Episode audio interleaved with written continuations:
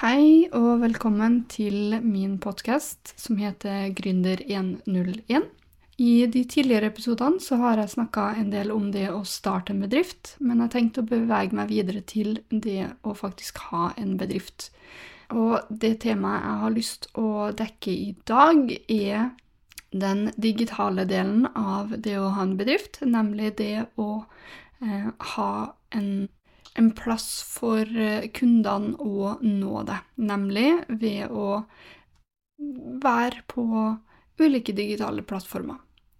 Og hva er egentlig ulike digitale plattformer? Jo, det er jo eh, de stedene man oppsøker som finnes på internett, som gjør til at man kan komme i kontakt med deg og få informasjon fra deg, og få informasjon om dine tjenester.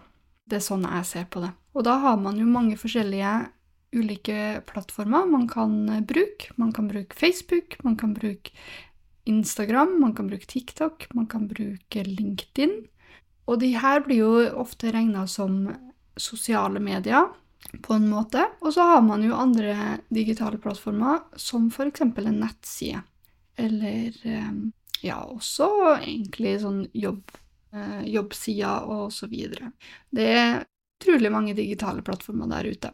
Men i denne episoden så hadde jeg tenkt at jeg skulle fokusere litt videre på nettsida.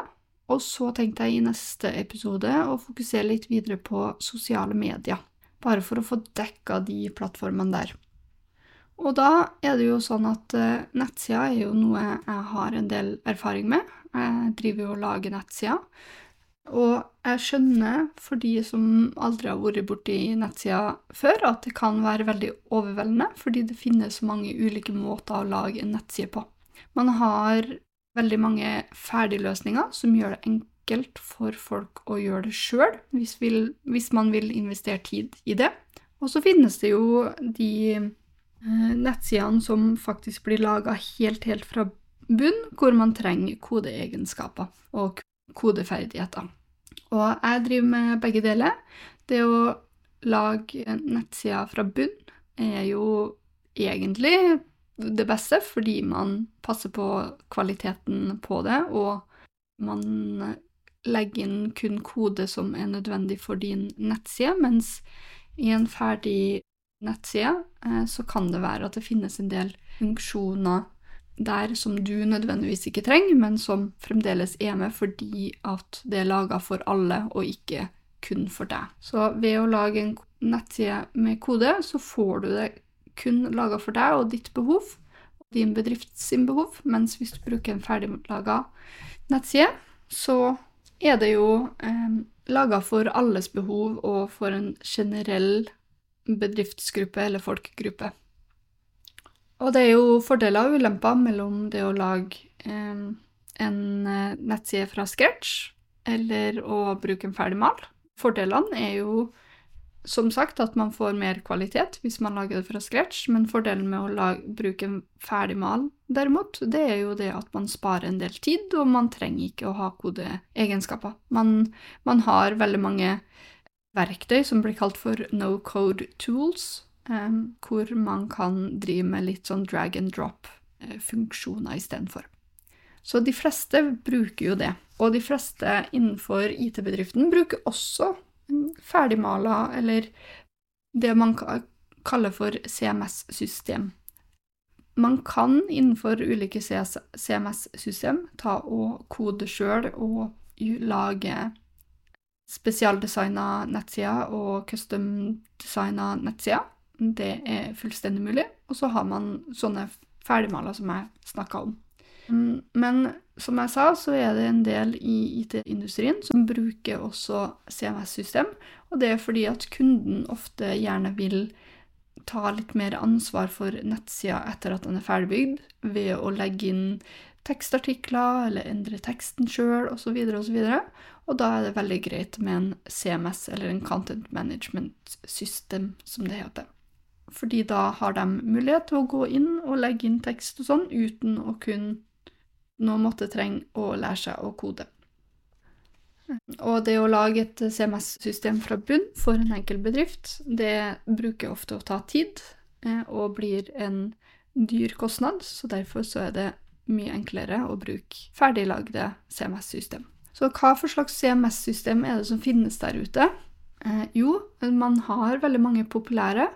En av de mest populære, som drifter nesten en tredjedel av alle nettsidene, sikkert, på nettet. Den tallene varierer fra person til person, vil jeg tro. Men de sier at sånn ca. 30% av alle nettsidene på nettet eh, driftes av det som heter Wordpress. Og Wordpress er et veldig populært CMS-system å bruke fordi at man eier all innhold sjøl. Eh, når man laster ned Wordpress som et CMS-system, så betyr det at ingen kan ta fra deg den nettsida. Går Wordpress konkurs, så har du fremdeles nettsida di. Du trenger ikke å begynne å stresse over å mm, over å eksportere alt innhold og importere det til andre eh, nettsidebyggere. En annen fordel med Wordpress er at det er helt gratis.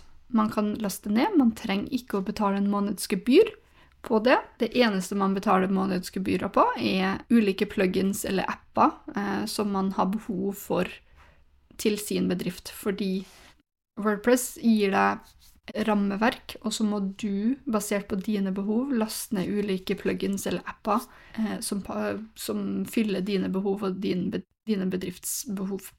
Det fine med det er jo at man behov, kan eh, laste ned kun de eh, appene man sjøl trenger, men da er det også veldig viktig å avinstallere de appene eller pluginsene som man faktisk ikke trenger.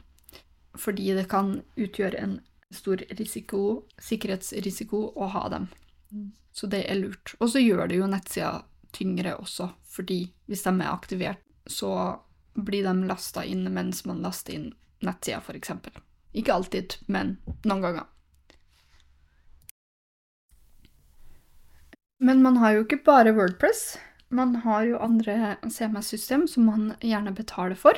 De blir ansett som litt mer moderne, men det er ikke alltid at det mest moderne er alltid det beste.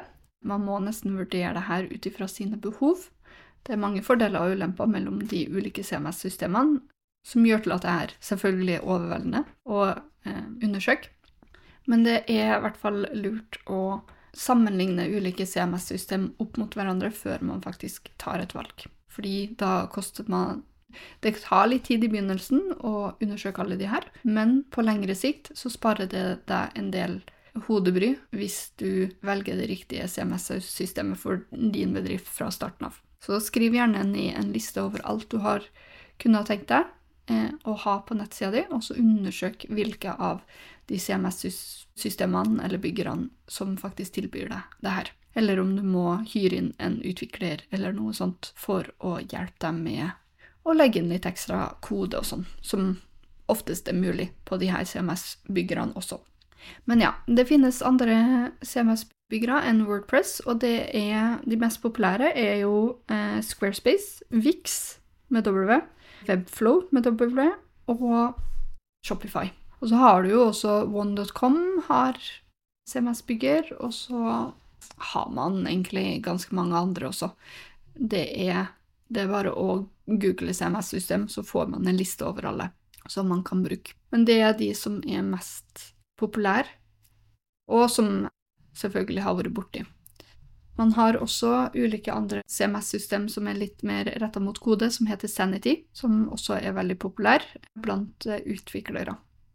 Men eh, fordelen med Squarespace, Vix og Shopify og Webflow, eller hvis vi dropper Webflow akkurat nå, da, men tar Squarespace, Vix og Shopify Fordelen med alle de tre er at man har ferdige templates. Man velger en mal som man syns ser fin ut, og så kan man gjøre endringer på de malene mm, ganske enkelt. Eh, og fordelen med å gjøre det er jo at man har allerede en veldig fin designa ferdigmal, som Og det eneste man trenger å gjøre, er å endre litt av fargene hvis man ønsker det, og endre logo, favikon, som er det som man har helt på toppen av en tab. Det kan vi gå tilbake til. Og så legger man bare rett og slett inn tekst og oppretter ulike sider for de sidene man ønsker å ha med. Eh, fordelen med alle de her, i likhet med Wordpress, er at man også, hvis man vil starte en nettside, så har både Wordpress, Squarespace, Vix og Shopify har nettbutikk, som gjør det enkelt for deg å laste opp produkter og integrere med frakt osv. Så, videre, og så, videre. så det er veldig fint. Wordpress er jo fremdeles gratis hvis man vil starte en nettbutikk ved å laste ned WooCommerce, som også er gratis. Mens Shopify, Squarespace og Vix, der må man betale en månedspris for å ha et abonnement. Og ved å ha den månedsprisen, så betaler man jo for nettsida si hver måned. Eh, noen ganger så får man også en redusert pris hvis man betaler, betaler årlig, som er anbefalt. Man kan spare en del på det. Men det som er ulempen med å bruke de sidene der, det er at man ikke eier innholdet sitt sjøl. Ja, man kan eksportere innholdet fra ulike sider. Jeg har nettopp eh, hjulpet en kunde med å eksportere fra Squarespace over til Shopify. Eh, men det er fremdeles masse man går glipp av innenfor eh, den nettbutikken. Man får ikke eksportert malene sine, f.eks. Så det vil si at når du importerer innholdet til en annen side, så må du velge ny mal, og du må bygge den opp sånn som du sjøl vil som kan ta litt tid. Det er også erfart fra å eksportere innhold fra Squarespace til Shopify. Det var at jeg ikke fikk med meg bildene heller, som gjorde at jeg manuelt måtte gå inn og legge inn bilder for hver eneste produkt. Og det er her jeg snakker litt om at eh, man må se hva man har behov for på nettsida si for å gjøre de nødvendige undersøkelsene, sånn at man kan spare seg tid og penger for det her. Eh, og i det tilfellet hvor jeg overførte fra Squarespace til Shopify, så var det rett og slett at eh, Squarespace fremdeles ikke har en plug-in eller en integrasjon mot VIPS, som var veldig viktig for kunden. Og det skjønner jeg veldig godt, fordi de fleste betaler med VIPS når de ser en VIPS-knapp. Det er mye bedre enn å legge inn kortopplysningene sine, f.eks. For, eksempel. for de fleste i Norge. Så, og hvis vi er inne på VIP, Vips så er det jo sånn at Squarespace har det ikke. Vix har Vips, Shopify har Vips, og Webflow har også ikke Vips. Så hvis man ønsker seg en integrasjon mot Vips, så unngå Squarespace og Webflow. Men da burde man heller velge i så fall Wordpress, som også fremdeles er gratis hvis man integrerer med Vips. Veldig enkelt også. Og så har man eh, Shopify, som man kan bruke. Også veldig enkelt å integrere. Og så vet jeg at de har også for Vix. Eh, jeg har ikke integrert Vips med Vix, men jeg antar at det er ganske greit, det også sømløst. Så sjekk ut sånne ting før man begynner med ulike ting. Så sparer man seg en del hodebry på sånne ting. En annen fordel med Wordpress i forhold til eh, de andre nettsidebyggerne, er at hvis vi sammenligner Wordpress og Shopify, da, så er det jo sånn at de fleste plugins på Wordpress har en gratisversjon, og så har man en premiumversjon. Og hvis man faktisk ikke har lyst til å betale for en eneste plugin, så går det alltids an å finne en eller annen marked for gratisversjoner, eh, som er helt, helt gratis. Mens på Shopify så opplever jeg at det er en del som du må betale månedlig gebyr for. F.eks. hvis du har en nettbutikk og skal filtrere alle produktene ut ifra kategorier. Si at du driver med en klesbutikk, så vil du filtrere ut ifra gensere, T-skjorter, bukser og sko. Så må du faktisk betale 14 dollar i måneden for den filtreringa til å dukke opp på produktsida. Man kan fremdeles filtrere på forsida ved å ha ulike kategoribokser, men man får den, ikke den filtreringssida som man kan se ofte på Elkjøp og Power og Zalando og alle de sidene, dem får man ikke gratis på Shopify. Da må man faktisk betale 14 dollar i måneden.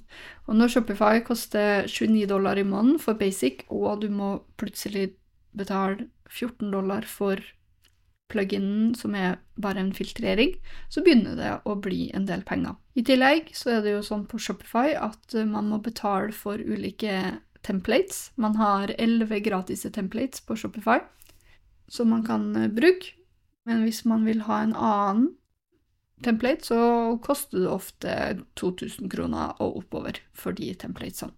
Mens på Wordpress så finnes det utallig mange gratis templates som man kan finne på nettet. Så det er også en sammenligning. Men en av de CMS-systemene jeg egentlig ikke har snakka så mye om, det er Webflow. Der også betaler man en månedsgebyr, men Webflow er litt i, i mellomstadiet mellom Wordpress og eh, de andre CMS-byggerne som jeg har snakka om, fordi at ja, du betaler en månedsgebyr, ja, teknisk sett så eier Webflow innholdet ditt. Eh, og hvis de går konkurs, så, så er det jo sånn at Webflow-nettsida forsvinner, og du må på en måte eksportere innholdet til en annen CMS-system, eventuelt. Men det fine med Webflow er at den eksporterer absolutt alt. Så den, hvis du betaler en jeg tror det ikke er inkludert i basic-pakka, men den over der, i hvert fall. Så er det sånn at du kan laste ned HTML og CSS-templatesene og JavaScript-templatesene og bruke dem videre. Så da kan du egentlig rett og slett bare lansere din egen nettside som det her, og få en utvikler til å hjelpe deg med det, og det er egentlig relativt billig sammenligna med å starte og lage en helt ny nettside. Så der er Webflow veldig fin. Og så er det sånn at man kan også designe ganske fine nettsider for seg sjøl, eh, uten å kunne kode. Og man kan lage eh, en del nettsider fra scratch. Eh, man må investere litt tid for å kunne lære seg akkurat verktøyene som Webflow tilbyr. Men når man har lært seg det, så er det gull verdt. Da kan man gjøre ganske masse. Det er jo fremdeles ulike mm, svakheter med Webflow også, men, men, sånn er det alltid med CMS-system. De har ikke all verdens tid til å lage alt som vi ønsker oss. De må gjøre prioriteringer sjøl. Sånn som for eksempel så har de jo ikke prioritert VIPS, men eh, det ligger jo på deres liste over gjøremål også. De må bare få tid til det, rett og slett. Og noen ganger så har man ikke tid da det er til å vente. Og da er det noen ganger bedre å velge andre CMS-system, eller hyre en utvikler til å lage det for deg. Um, men nå har jeg jo snakka veldig masse om nettsider, og uh, det mange lurer på i forhold til nettsider, er jo hva er best? Og der vil jeg jo si at det finnes ikke en nettsidebygger som er best, sånn universalt best. Det her handler egentlig om hva som er best for deg, og da er det rett og slett å diskutere og undersøke hvilken CMS-system som faktisk passer ditt behov. Og da kan det også være lurt å ta kontakt med en utvikler, eller sende meg en mail og spørre hva, hva Bare forklare litt om dine behov, og hvilket CMS-system som du tenker kan Som jeg f.eks. tenker kan passe for, for deg og din bedrift. Så er det mulig å gjøre de undersøkelsene ganske fort. Det sparer deg i hvert fall ekstremt mye tid. Det, jeg, sagt, jeg, vet jeg har sagt det flere ganger nå, men det må pinpointes. Og så er det jo det med pris. Man kan jo gjøre det her sjøl, og da er det jo helt, helt gratis. Men ingenting er jo gratis her i livet. Tid er jo penger, det er jo en klisjé uten like. Men det stemmer jo. Altså, man må jo i en bedrift så må man gjøre prioriteringer. Hva er det man har lyst til å sette vekk og betale for? Eller, og hva er det man har lyst til å gjøre sjøl? Og det man gjør sjøl, det er jo tid man bruker på det, som man aldri får igjen. Um, man kan jo bruke kvelder og helger på det hvis man vil gjøre det, eller bruke en del av bedriften, men ved å bruke den tida på å lage nettside, så bruker du jo mindre tid på andre ting som er viktig i bedriften.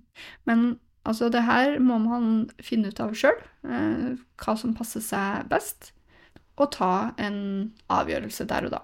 Det fine med å få noen andre til å gjøre det, er jo at man kan faktisk bruke tida på det man kan best, istedenfor å lære seg noe nytt. Det er jo alltid noen som setter pris på å lære seg noe nytt. Det gjør jeg definitivt. Og fordelen med å sette bort er jo også at uh, man kan få skrive av det her på skatten. Altså man fører jo regnskapet på bedriften sin, og man kan få skrevet av momsen hvis man har tjent over 50 000 i bedriften sin også. Så det er fordelen med det. Um, en annen fordel er jo at uh, du setter bort til noen som virkelig kan det her, og som vet, har kunnskaper om helheten i en nettside. Og da handler det ikke bare om det å sette opp designet og legge inn tekst, men faktisk kan tenke ut hva for slags tekst er det som er viktig på denne sida. Huske på alle de tingene som Google ser etter, sånn som f.eks. metadescriptions og image tags og sånne ting. Man kan gjøre undersøkelser om hvilke keywords som du burde ha på nettsida di. Og så kan de på samme tid eh, fokusere på sikkerhet. For det er jo utrolig mange nettsider som blir hacka, og man tenker jo at det her kommer aldri til å skje meg. Eh, men plutselig så blir du utsatt for et hackerangrep uten at eh, det nødvendigvis er du som er målet. Det kan være CMS-systemet som er målet, f.eks. Eller det er noen som sitter på et rom og syns det er morsomt å prøve å finne sikkerhetshull her og der. Og da er det bedre å ha en utvikler som faktisk har gjort det her, som bruker de eh, Som tar hensyn til det her når de tar ulike valg for nettsida di. Mm, men hvis man ønsker da å gjøre det her eh, sjøl, så er det jo ulike ting man da må ta hensyn til, og det tenker jeg at jeg lager en ny episode om for de som ønsker å gjøre det sjøl, sånn at det her ikke blir en veldig, veldig lang podkast. Og så kan jeg heller øh, prøve å ta for meg andre tema her istedenfor. Det siste man tenker på, er jo pris når det gjelder nettsider, og det er jo noe som man er veldig opptatt av. Det man burde huske, er at det å lage nettside tar opp imot ja, de fleste utviklere bruker mellom 20 og 40 timer på å lage en nettside, og da handler det om å bruke et CMS-system. Lager man det helt, helt fra scratch, så bruker man ofte litt mer tid enn det, avhengig av hva man har behov for. Og det handler det om også i CMS. Altså det spørs hva man skal lage av en nettside. Eh, hva for slags funksjoner som skal være inni den nettsida, og hva er det nettsida skal gjøre. Er det en nettbutikk, så er jo det mye dyrere enn å ha en nettside. Fordi at man må bruke en del tid på å legge inn produkter og bilder osv. osv. Og og sette opp betalingsløsning og frakt og legge inn ulike postkoder for frakt osv. Så, videre, og så, så det er veldig vanskelig noen ganger å gi en pris på det her. Men det jeg anbefaler, er jo å få priser fra ulike folk. Enkelte bedrifter tar mer, rett og slett fordi at de har så masse eh, mange på venteliste som vil ha en nettside, og kan skru opp prisen deretter. Andre er veldig populære, det henger litt sammen med den forrige, og kan skru opp prisen deretter. Og så er det jo enkelte som billig fordi at de ønsker å få en del flere bedrifter på CV-en sin, eller på portefolioen sin. Og så er det jo de bedriftene som, sånn som jeg har, f.eks., som er relativt billige fordi at jeg bruker studenter, og ikke de som har jobba i ti år, f.eks. Det som er lurest, er jo å prøve å innhente tilbud fra forskjellige folk. Og så er det det som er også viktig, er å prøve å finne ut hva er det faktisk den prisen gir deg. Så ikke bare be om en pris, men be om en liste over ting som er inkludert i det å lage nettsida, fordi eh, det her kan variere veldig mye fra Eh, bedrift til bedrift også. Enkelte fokuserer kun på design og det å lage en utrolig fin designside, mens andre fokuserer på helheten. Sånn som vi gjør. Vi fokuserer på helheten, hvor vi både fokusere på design og innhold og call to action er veldig viktig for å få konverterende kunder. At alt skal være responsivt og klikkbart, f.eks. Men vi fokuserer også på det å lage en side som er synlig på Google. Det er veldig viktig for oss. Fordi det er ikke noe vits å ha en nettside hvis du faktisk ikke dukker opp på Google, og da må man gjøre en innsats for å faktisk komme seg dit. Og den innsatsen koster litt mer penger, selvfølgelig, men på samme tid så sparer du en del penger på lengre sikt. Fordi med en gang du får en del kunder, organisk, uten å betale for det, så på en måte betaler det i seg sjøl ned nettsida.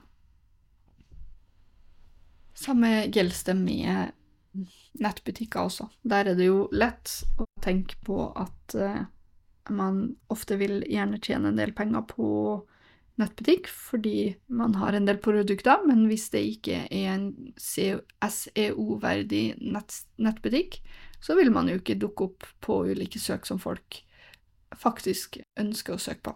Mm. Så det er jo noe som er veldig viktig å tenke på også, at man skal lage en nettside som ikke bare er fin, men som Google faktisk fanger opp og gir til dine potensielle kunder. Det siste jeg ville avslutte med Jeg følte meg som, litt som en politiker når jeg holdt på å snakke om pris, fordi det er så vanskelig å fastsette. Altså hva koster en bil? Ingen Alle vet jo at det varierer, fra en liten e-up til en stor Tesla. Vinge-Tesla, liksom. Men alle vet jo at det er en startpris på en bil, så jeg kan jo si rett og slett at de fleste tar fra 12 000 til 15 000 og oppover, basert på de funksjonene. Men jeg vet også at det finnes ulike bedrifter som gjerne tar 200 000, 300 000 for å få laga en nettside. Ikke bare fra scratch, men at de faktisk også bruker noen ganger CMS-byggere som Wordpress osv. Så, videre. så det er derfor jeg ber dere om å innhente tilbud fra ulike aktører. Be om fem forskjellige tilbud. Finne ut hva det er de tilbyr. Kanskje kan du finne noe som er mye billigere enn enn en annen person, og så sparer du en del penger på det.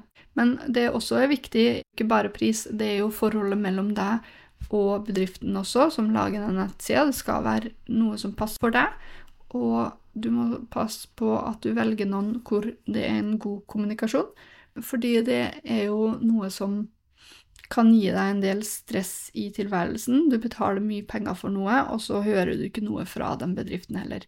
Så prøv også fastsette noen forventninger du har til bedriften i forhold til kommunikasjon, eh, og hvor ofte dere skal kommunisere og sånn for å finne ut hva som egentlig passer deg og din personlighet. Det siste jeg vil si, er jo det at de fleste bedrifter også tilbyr en vedlikeholdsplan, som er en månedsgebyr videre senere. Ofte blir det laga en vedlikeholdsplan i forhold til Wordpress. Man trenger ikke alltid å ta den vedlikeholdsplanen, men se gjerne litt på hva en sånn vedlikeholdsplan også innebærer. Noen eh, tilbyr en vedlikeholdsplan bare for å oppdatere eh, plugins som finnes på Wordpress og sånn, mens andre tilbyr også at man har mulighet til å redigere sida i løpet av eh, en måned. Så mange tilbyr f.eks. to timer med redigering på nettsida, og da, hvis de er inkludert, så anbefaler jeg dere å bruke det for det det er verdt, ved å legge inn tekster på nettsida deres. Du må skrive teksten sjøl, mest sannsynlig, men du kan i hvert fall få noen til å gjøre det for deg hvis det er inkludert i vedlikeholdsprisen. Så gjerne ha det også i bakhodet når man holder på å innhente pris fra ulike bedrifter. Hva er det vedlikeholdsplanen koster? For den varierer fra bedrift til bedrift, og hva er det den faktisk innebærer. Så her også er det en del som må tas hensyn til. Greit. Da har jeg sagt eh, det jeg skal i dag. Som sagt, Gi beskjed hvis det er noe du lurer på, eh, som du ønsker å høre videre om. Og så snakkes vi i neste episode. Ha en fin dag!